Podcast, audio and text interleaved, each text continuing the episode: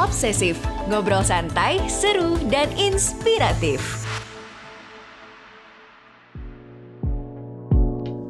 Halo teman obsesif, di season yang kelima ini, Obsesif bekerja sama dengan SSAJ Associates, Advocates and Legal Consultants untuk mengedukasi perihal ketentuan hukum yang berfokus di bidang ketenaga kerjaan. Nah, sebelum kamu mendengarkan episode ini, jangan lupa untuk follow, nyalakan notifikasi, serta beri rating terbaikmu untuk podcast Obsesif di Spotify ya.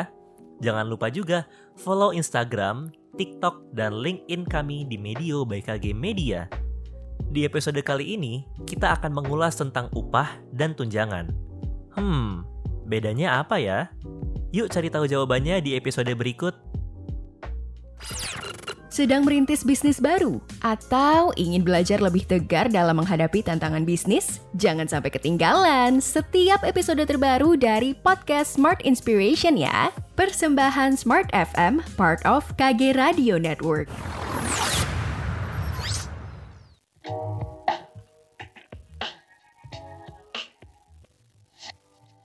Teman obsesif, pasti kamu sudah pernah mendengar kata upah. Mendapatkan upah adalah salah satu hak pekerja. Tapi, apa sih sebenarnya definisi dari upah? Dan dari mana kita mendapat menemukan pengaturan mengenai upah? Upah adalah hak pekerja yang diterima dan dinyatakan dalam bentuk uang sebagai imbalan dari pengusaha atau pemberi kerja kepada pekerja yang ditetapkan dan dibayarkan menurut suatu perjanjian kerja, kesepakatan, atau peraturan perundang-undangan, termasuk tunjangan bagi pekerja dan keluarganya atas suatu pekerjaan dan atau jasa yang telah atau akan dilakukan.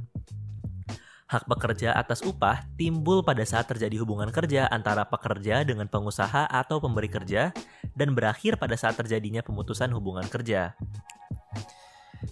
Kebijakan mengenai upah juga sudah ada nih teman obsesif terdapat dalam pasal 81 angka 24 Undang-Undang Nomor 11 Tahun 2020 mengenai perubahan pasal 88 Undang-Undang Nomor 13 Tahun 2003 dan pasal 2 ayat 1 Peraturan Pemerintah Nomor 36 Tahun 2021. Pemerintah menetapkan bentuk upah minimum sebagai salah satu upaya untuk mewujudkan hak pekerja untuk memperoleh penghasilan yang layak. Ada perbedaan lagi nih teman obsesif. Upah minimum diberikan untuk pekerja dengan masa kerja kurang dari satu tahun. Sementara untuk pekerja yang masa kerjanya lebih dari satu tahun, besaran upahnya berdasarkan struktur dan skala upah yang dibuat oleh masing-masing perusahaan. Upah minimum yang berlaku adalah upah minimum kabupaten atau kota dan upah minimum provinsi. Upah minimum kabupaten kota berlaku untuk pekerja yang bekerja di wilayah kabupaten atau kota, di mana dalam hal ini wilayah tersebut ada penetapan besaran upah minimum kabupaten kota. Tetapi kalau tidak ditetapkan upah minimum kabupaten atau kotanya, maka yang berlaku adalah upah minimum dari provinsi. Selanjutnya teman obsesif, upah juga bisa loh ditetapkan berdasarkan satuan waktu dan atau satuan hasil. Maksudnya gimana tuh? Jadi dalam pasal 88B Klaster Ketenagakerjaan Undang-Undang Nomor 11 Tahun 2020 dan pasal 14 Peraturan Pemerintah Nomor 36 Tahun 2021, upah yang didasarkan pada satuan waktu ditetapkan dengan perhitungan berdasarkan upah per jam, upah per minggu, atau upah per bulanan. Sementara upah yang didasarkan satuan hasil ditetapkan sesuai dengan hasil pekerjaan yang telah disepakati di mana besarnya upah dibayarkan sesuai dengan kesepakatan antara pekerja dengan pengusaha berdasarkan upah rata-rata 12 bulan terakhir yang diterima oleh pekerja. Apabila dilihat dari komponennya, upah dapat terdiri dari bermacam-macam nih teman obsesif. Pertama, upah tanpa tunjangan. Kedua, upah pokok dan tunjangan tetap, di mana besarnya upah pokok paling sedikit 75% dari jumlah upah pokok dan tunjangan tetap. Ketiga, upah pokok, tunjangan tetap, dan tunjangan tidak tetap, di mana besarnya upah pokok paling sedikit 75% dari jumlah upah pokok dan tunjangan tetap. Dan keempat, upah pokok dan tunjangan tidak tetap.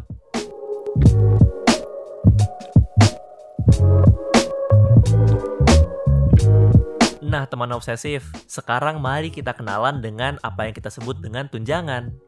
Bicara soal upah, salah satu dari komponennya adalah tunjangan. Dan pada umumnya ada dua jenis tunjangan, yaitu tunjangan tetap dan tunjangan tidak tetap. Bedanya gimana nih? Tunjangan tetap adalah pembayaran kepada pekerja yang diberikan secara teratur dan tidak terkait dengan kehadiran pekerja atau pencapaian prestasi kerja tertentu. Misalnya, dalam perjanjian kerja disebutkan bahwa kamu sebagai pekerja setiap bulannya akan mendapatkan upah sebesar Rp5.500.000. Upah tersebut terdiri atas upah pokok 5 juta dan tunjangan makan sebesar 500 ribu.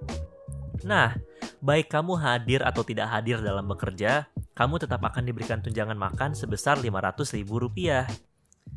Sedangkan tunjangan tidak tetap adalah pembayaran kepada kamu sebagai pekerja yang diberikan secara tidak teratur dan terkait dengan kehadiran pekerja atau pencapaian prestasi kerja tertentu. Misalnya nih, dalam perjanjian kerja disebutkan bahwa kamu akan diberikan tunjangan makan sebesar 30.000 per hari. Nah, jika kamu tidak bekerja pada hari tersebut, maka kamu tidak mendapatkan tunjangan makan.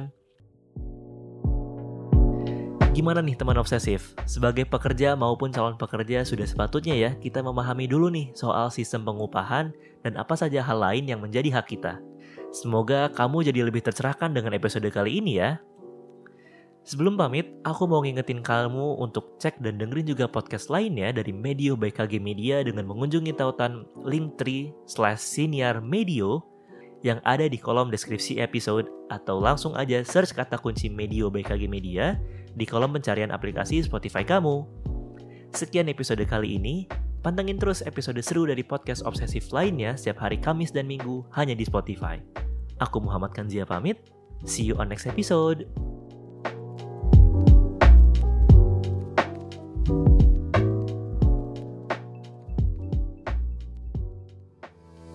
Terima kasih sudah setia mendengarkan Obsesif, ngobrol santai, seru, dan inspiratif. Jangan lupa untuk dengerin episode selanjutnya ya.